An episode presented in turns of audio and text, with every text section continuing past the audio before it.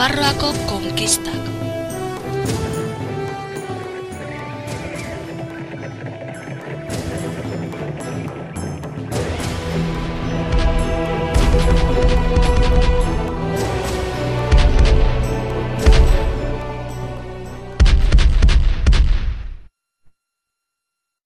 Kaixo, kaixo entzule. Gurekin egon mazara, ohartuko zinen orain arte Iruñako erresuma hitz egin dizuegula. Eta orain ordean Nafarroako erresumarekin jarraituko dugu.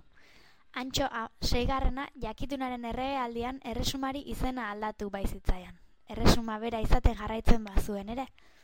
Mila egun da berrogeita marrean izan zen izena aldaketa hau.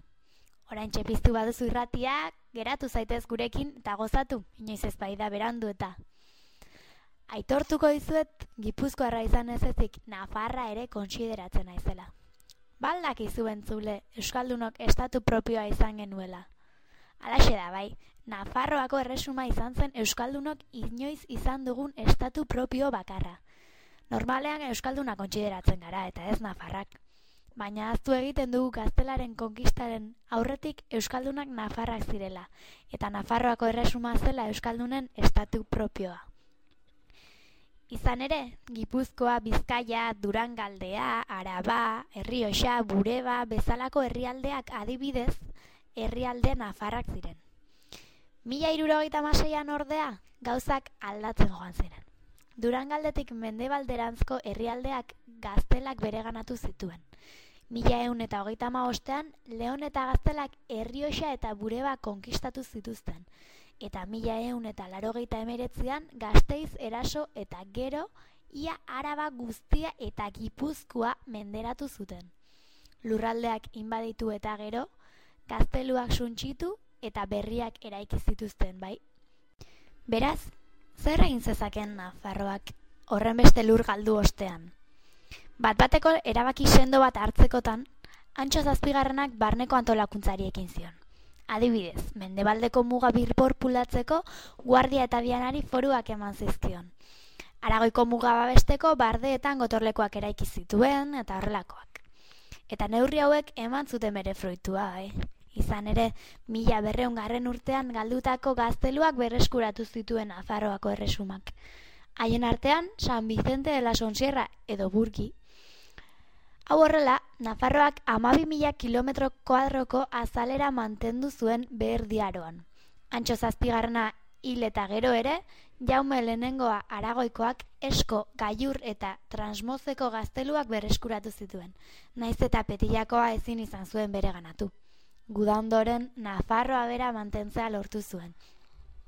Baina, guztiok ezaguna dugun esaera batek dioen bezala, defentsarik onena atakatzea da. Orain emango dizuet honen adibide bat. Antxo zazpigarrenaren garaietatik, Iruña elgarren artean leian ari ziren burgutan banatua zegoen. Navarreria eta San Miguel alde batetik, eta San Zernin eta San Nikolas bestetik. Hasierako borrokak nahiko apalak izan ziren, mila berreun da irurogeita maseiko udaberrian areagotu egin ziren ordea. Frantziako armada irailean hasieran iruñera heldu zen. Soldaduak Navarrerian sartu eta guztiz txikitu zuten auzoa. Navarreria mendean hartu eta gero, Nafarroa osoan gaztelarren aldekoen aurkako kanpaina zabaldu zen. Bere lurrak kenduz eta jauregi eta dorreak suntxituz. Bide honetatik, ezkaba mendiko gotorlekuan Nafarrek frantziarrak urrundu zituzten eta Nafarrek gaztelua utzi eta ura eta elikagaiak pozoindu zituzten. Baina Frantziaren beraien txakurrak hilik aurkitzean pozoinketaz jabetu eta gotorlekoa zeharo aira ustu zuten. Jakina da guztionzat egun ditugun hainbat egoera historian zehar jaso diren gertaeren ondorio direla. Ziur nago gogoan duzuela horrelako egoeraren bat. Esaterako. Egun Nafarroan foru erkidegoa eta Euskal Autonomia erkidegoa ditugu, eta honen barnean Araba, Bizkaia eta Gipuzkoako lurralde historikoak. Egitura hau mila berreungarren urteko gaztelarren konkistaren ondorioa da baltzen ekiten. Konkista haren araberakoa da. Piskanaka eta hainbat gerren ondorioz, gaztela Nafarroako erresuma osatzen zuten lurraldeak bereganatuz joan zen.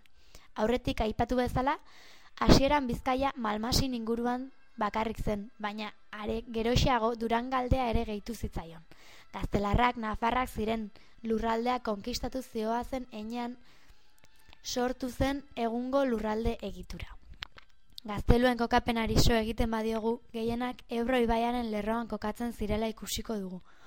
Horrek bai erakusten du gaztelarren eta euskaldunen arteko harremana oso violentoa izan zela.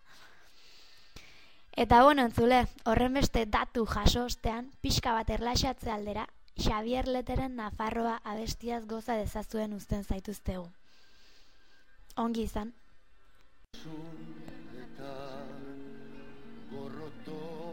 Gezurreta egia gurea.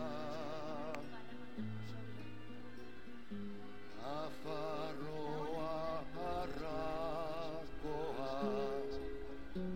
Lurberoen sabele mankorra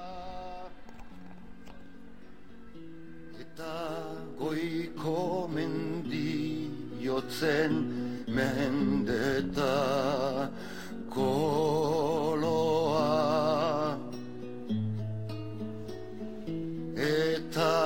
goiko mendiotzen mendeta